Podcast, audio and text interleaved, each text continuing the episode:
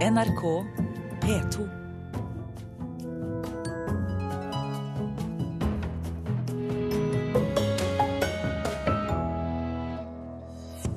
Kultur-Norge vet ikke hvordan de skal gjøre seg attraktive for næringslivet, mener sponsorekspert.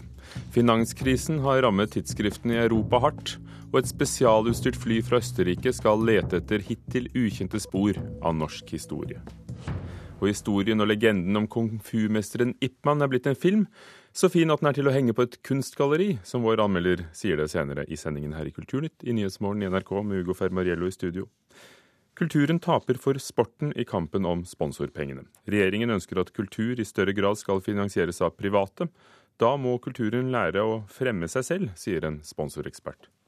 Her er eh, håndballjentene våre, som, eh, som vi har sponset, vært hovedsponsor av siden 1991. Det er vi veldig fornøyd med og veldig stolte av. Sponsorsjef i Gjensidige, Stian Grøstad, viser fram lagbildet av det norske damelandslaget i håndball, som bedriften sponser. Ja, vi har valgt eh, idrett og lagidrett fordi vi internt er veldig opptatt av å spille på lag for å nå mål.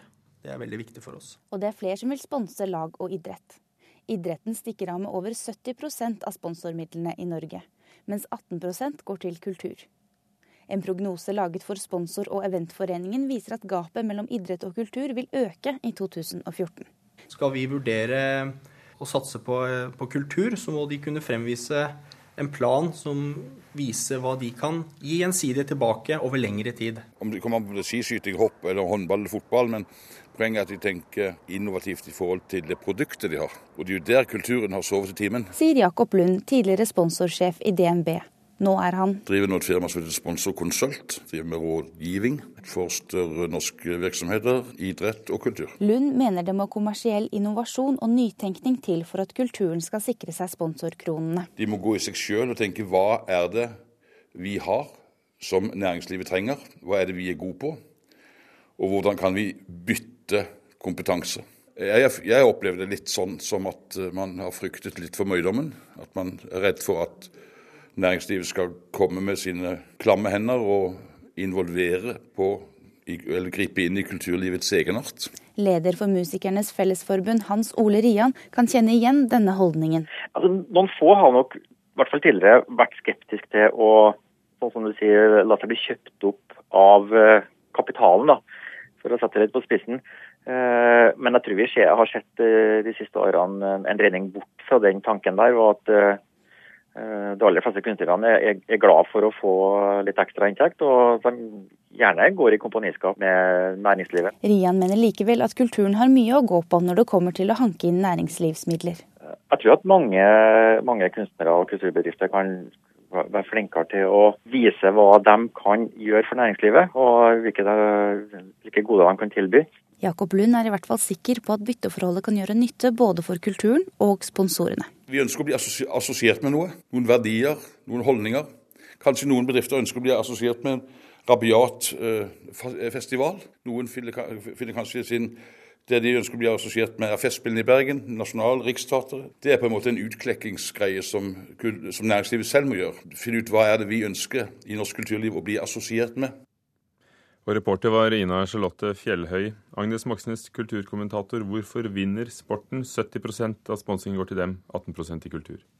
Ja, det er veldig interessant å høre det sponsorsjef Jakob Lund eh, sier her. For han gir jo kulturlivet, og da tenker jeg at han gir hele kulturlivet det glatte lag her. Altså fra de store institusjonene som teater, orkester og museer, og helt ned til de bitte små enmannsforetakene innenfor kulturlivet.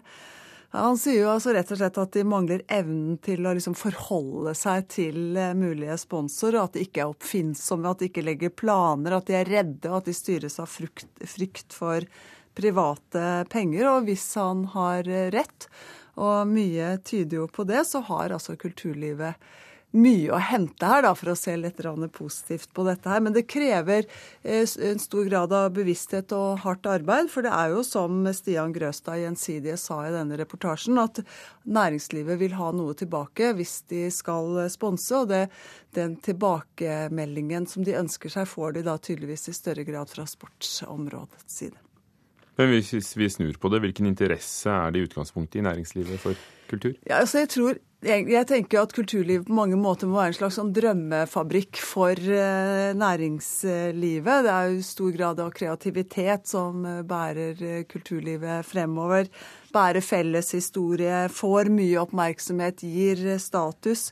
Og hvis du ser på en del av liksom de store stiftelsene som vi har fått de siste årene, som f.eks. da Sparebanken Nord-Norge skulle lage sin egen stiftelse i fjor, så var vel de de første som laget en stiftelse som utelukkende gir penger til kultur.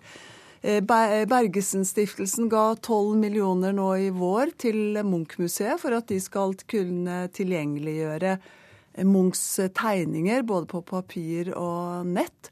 Og en institusjon, altså en kulturinstitusjon som Nobels fredssenter, som ble årets sponsor i 2012, de henter altså nå nesten en firedel av budsjettet sitt fra næringslivet via ulike sponsoravtaler. Hva kjennetegner dem som lykkes, da? Eh, det som kjennetegner det som lykkes, det er jo de som, som nettopp går inn og gjør den jobben som skal til. At det sitter folk på toppen av de institusjonene som ser at de har noe å selge, og at de er stolte av det de har å selge, og at de stoler på at eh, sponsorene faktisk også er profesjonelle og ikke legger seg bort i de valgene, kunstneriske valgene som disse kulturinstitusjonene gjør. Så hva ønsker kulturlivet av sponsorene, bortsett fra at det ikke skal legges opp i de kunstneriske valgene? Ja, altså Kulturlivet er nok fortsatt litt sånn at de ønsker seg de litt sånn diskré mesenene. Så det er en slags puritanisme ute og går i kulturlivet. Det tror jeg trygt man eh, kan si. Og så håper jeg at ikke det er mangel på guts vi ser. Museene, hørte vi i Kulturnytt i går, eh, er noen skeptiske. Flere avventende til gaveforsterkningsordningen som regjeringen eh, har på trappene. Hvor viktig er det for regjeringen og politikerne at kunst- og kulturlivet lykkes i å, å få flere private penger? Jeg vil jo si at det er liksom selve lakmustesten for om et høyrestyrt kulturdepartement lykkes eller ikke. Fordi at dette ligger i regjeringens eh, kulturpolitiske plattform. At det skal være maktspredning, og det skal være en bredere finansiering. Og de to tingene, altså maktspredning og bredere finansiering, de henger nøye sammen for denne regjeringen. Takk, Agnes Moxnes.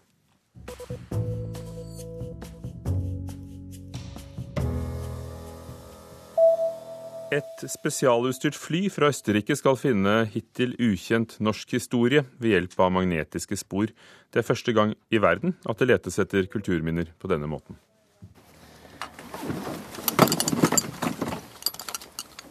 Sikkerhetsselene festes, og alt er klart til å lette fra Hamar flyplass. De har kommet hele veien fra Østerrike for å gjøre noe de aldri har gjort før. Lete etter magnetiske spor fra vikingtid og middelalder fra lufta. Det er første gang man tar denne metoden i bruk eh, innenfor arkeologien. Så vi er veldig spente på hvilke resultater det gir. Han er spent, arkeolog fra Norsk institutt for kulturminneforskning, Ole Risbøl. Det er rene julaften å være vitne til flyet som takser seg av gårde mot rullebanen. Utstyrt med magnetometer på vingene og avansert mottakerutstyr i cockpiten.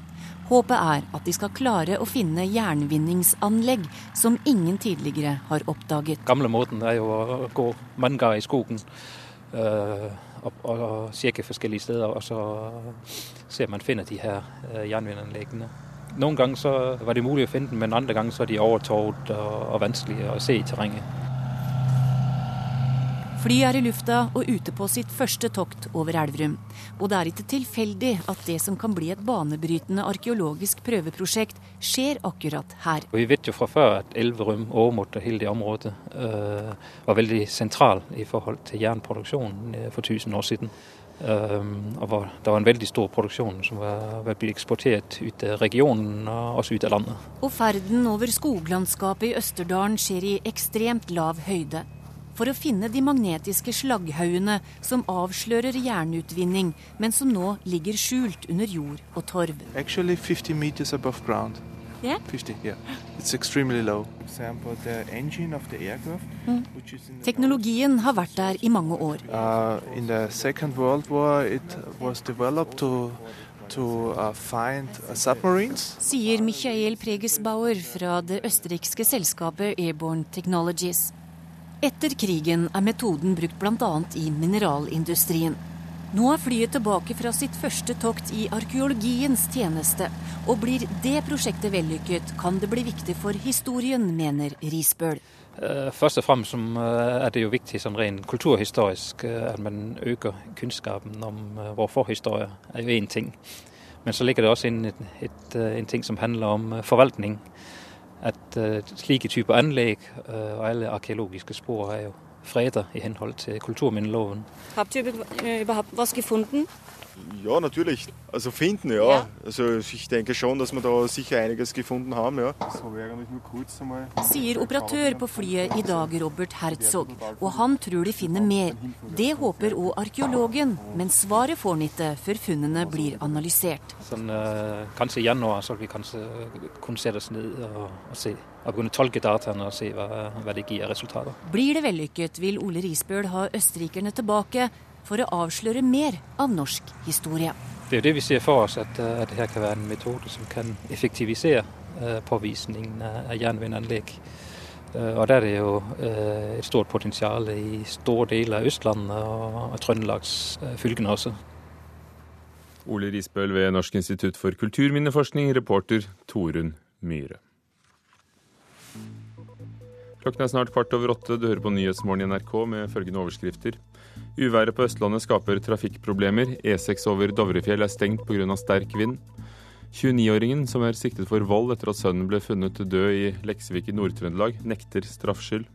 Det bygges for få og for dyre boliger, mener boligbyggerne som er misfornøyd med politikerne. Og regjeringen må trolig skrinlegge planene om å kreve skolepenger fra utlendinger utenfor EØS-området. Forslaget får ikke støtte fra KrF og Venstre. Europeiske tidsskrifter er under hardt press. Finanskrisen i Europa har ført til kutt i kulturbudsjettene i flere land, noe som også har ført til trangere tider for kulturmagasinene. Denne uken er 100 tidsskriftsredaktører og forfattere fra hele Europa samlet i Oslo.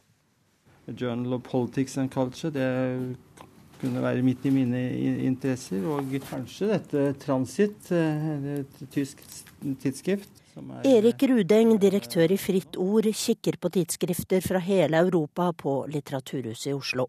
Det er jo først og fremst viktig at det er mange stemmer og ulike stemmer. Og eh, dette er vel noen av tidsskriftenes fremste bidrag. At de blir på en annen måte enn aviser som eh, på sett og vis mer er døgnfluer, så er, er tidsskriftene er orientert mot eh, de Zeitgeist, om tidsånden. Mange av disse stemmene fra Europa er gjester på en konferanse som åpner i Oslo torsdag. Arrangører er Euroscene, et nettverk for europeiske kulturtidsskrifter, der svenske Carl-Henrik Fredriksson er sjefredaktør. Han er bekymret for fremtiden til mange av kulturtidsskriftene. Det er mange som prater om at tidsskriftene er i kris, og det er de naturligvis. Det blir vanskeligere og vanskeligere å få ihop pengene for å gi ut en tidsskrift. Overalt i Europa, ikke bare i Syd-Europa, men overalt. Det som er viktig å betone, tror jeg er at i nesten alle land så finnes det en eller två eller kanske på sin höjd tre tidskrifter som representerar en hel kulturs minne. Eh, som har funnits i 100, 120, 125, 130 år. I Norge är det Samtiden, det är Syn och Säng. I Sverige är det Ord och Bild. Det finns motsvarande tidskrifter i de flesta länder i Europa. Men om de försvinner, då försvinner också en stor del av en hel kulturs minne. Trenger vi tidsskrifter når vi har internett? Det er mange som har, har sagt just det, at nå når vi har sosiale nettverk og ny teknologi, da åpnes det opp nye muligheter for å uttrykke seg, og for å innhente informasjon og for å debattere. Om vi tittar på hvordan internett ser ut i dag, så er det framfor alt en type av kommunikasjon som befrämjar isolerade communities der man bekrefter seg selv Medan hva tidskrifterna gjør er noe helt annet. Der møtes ulike åsikter på alvor. Vertskap for konferansen i Oslo er Norsk Tidsskriftforening, der Bente Riise er leder. Hun påpeker at tidsskriftene er sårbare, både for den økonomiske krisen i Europa og for kutt i kulturbudsjettene. I Vest-Europa så er en jo veldig opptatt av å sikre at tidsskrifter får en sjanse til å komme ut. fordi det med finanskrisa i Europa nå, så har kulturbudsjettene jevnt over, særlig i Sør-Europa, blitt raserte. Eh, tidsskrifter for mange er kanskje litt hemmelige. De er små, de er ikke så synlige som avisene og andre, men de er fryktelig fryktelig viktige. Og Selv om ikke de nødvendigvis er så svære opplag alle sammen, så er det mange lesere, og de har en effekt utover de få som leser, fordi at de som leser og skriver opererer i en mye større offentlighet. Min oppfordring er jo at eh, hvis en skal kutte noe, så er ikke det der en skal kutte. Direktøren i Fritt Ord, Erik Rudeng, vil ikke uten videre være med på at det er krise når kulturtidsskrifter må legge ned.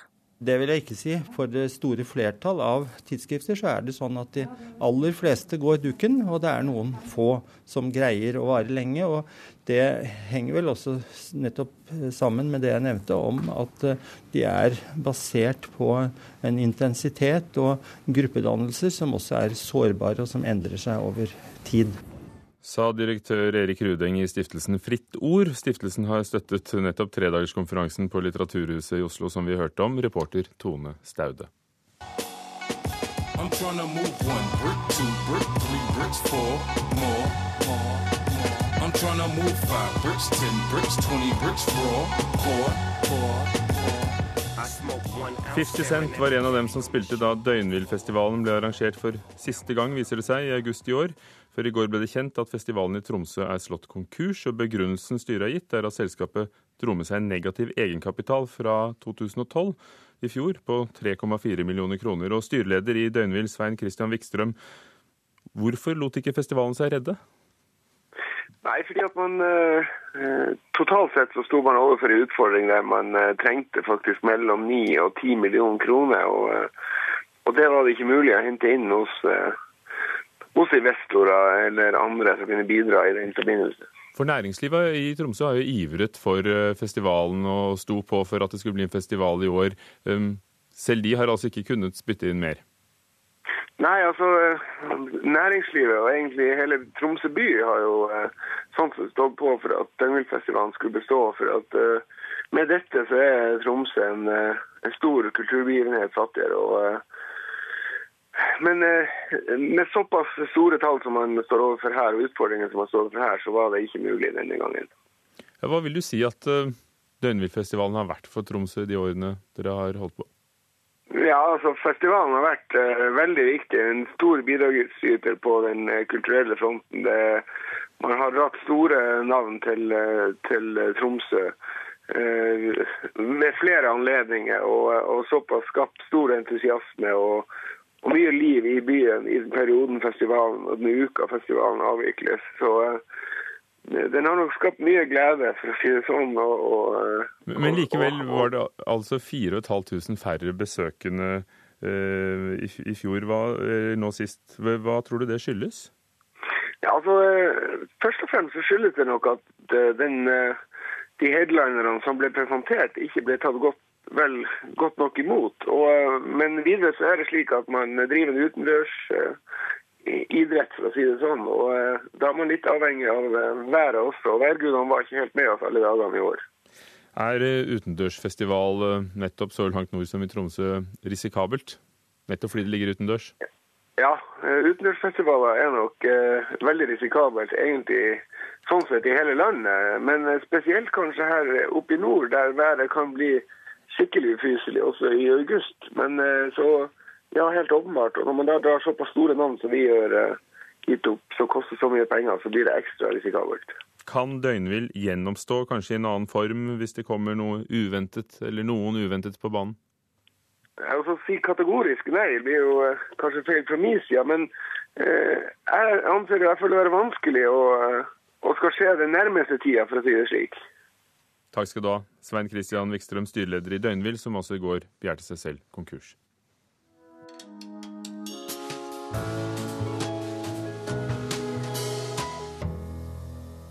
En film noir i regn og skygge, en film til å henge på kunstgalleri. Slik beskriver vår anmelder Michael Olsen Lerøen filmen The Grandmaster, som handler om en av forrige århundrets mest betydningsfulle kung fu-lærere i Kina.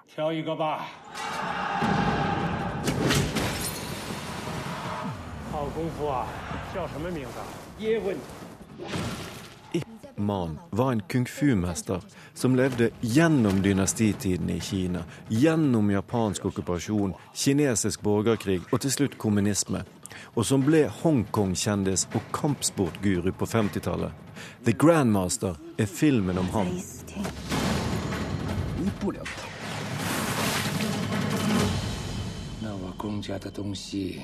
I løpet av de siste årene er det kommet et lite skred av Ip Man-filmer og TV-serier. Men disse filmene vil nok oppleves mer som kampsportfilmer, mer tegneserie, mindre biografi enn The Grandmaster. The Grandmaster prøver å ta legenden om Ip Man tilbake. Og den som prøver, er regissøren Wong Kar-wai.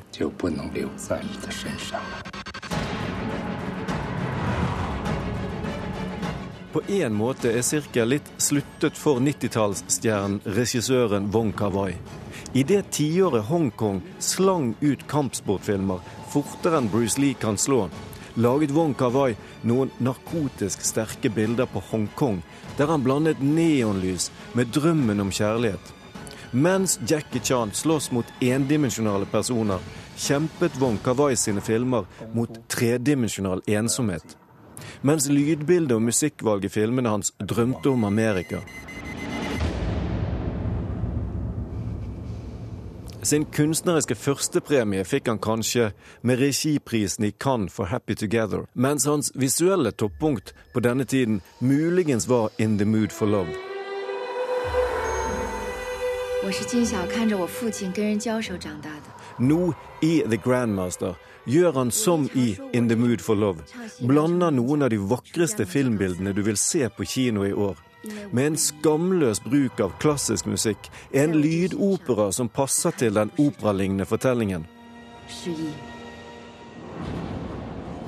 Vi følger Ipman fra den tiden de ulike kung fu-retningene hadde sine distinkt egne bevegelser og teknikker, sine egne og unike filosofier, og antagelig hadde samfunnsmessig innflytelse og makt.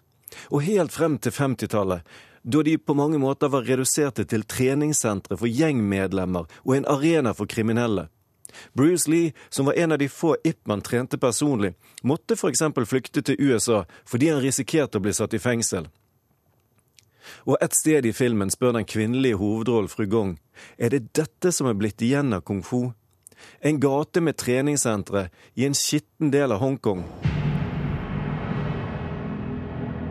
接了我大师兄的班，主事中华武士会。爹这辈子做了三十年的面子。 The Grandmaster er en film om drømmer, svik og kjærlighet. Og når Wong Kar-wai regisserer kjærlighet, så høres kinesisk språk ut som fransk. Det er vakkert. 我是金小看着我父亲跟人交手长大的。 Visuelt sett er The Grandmaster moden for å henges på MoMA i New York. Det er film noir i regn og skygge. Det er en ballett av slag, spark og tapt kjærlighet. Filmen er kunsten å fortelle det store med minimal mimikk. Den er begravelse og fyrverkeri. Den er Wong Kar-wai, sånn vi husker han.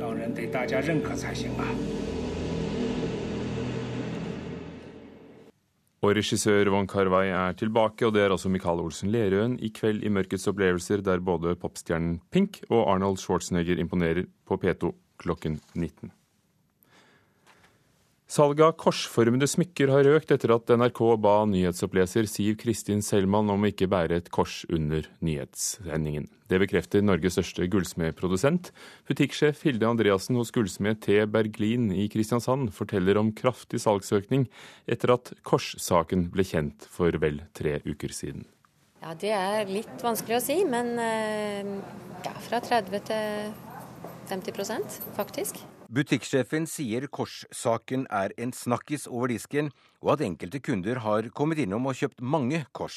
Flere har kjøpt opptil fire-fem stykker, og nå skal vi virkelig vise at vi skal gå med kors. Og nå kjøpes det. Markedssjef Tormod Firing hos E. Andreassen i Stavanger, som er Norges største produsent av gullsmedvarer, bekrefter økt etterspørsel og salg av korssmykker. Altså etter den, eh, den episoden i, i, med den journalisten, så er det ingen tvil om at at uh, kors har kommet mye mer på tapetet, og at, uh, at salget er økende. Litt tidlig pga. litt treghet i systemet å si akkurat hvor mange prosent det har gått opp, men at det har gått opp, det er ingen tvil. Blant folk vi møtte var meningen delte om bruk av korssmykke.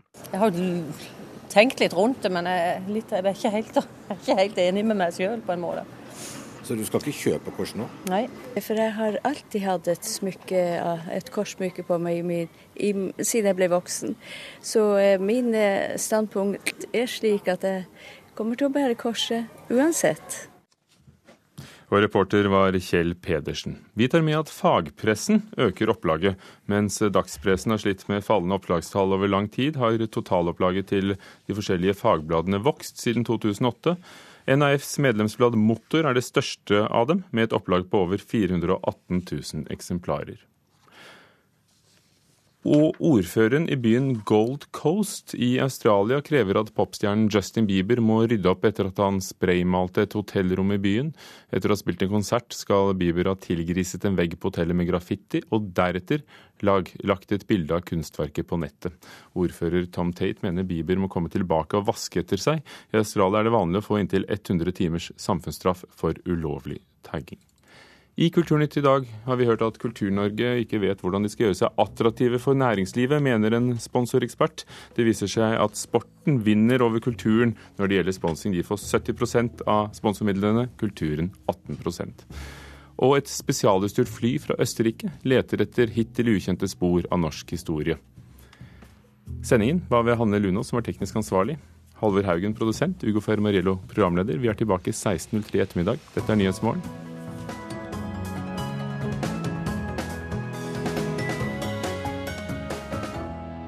Hør flere podkaster på nrk.no podkast.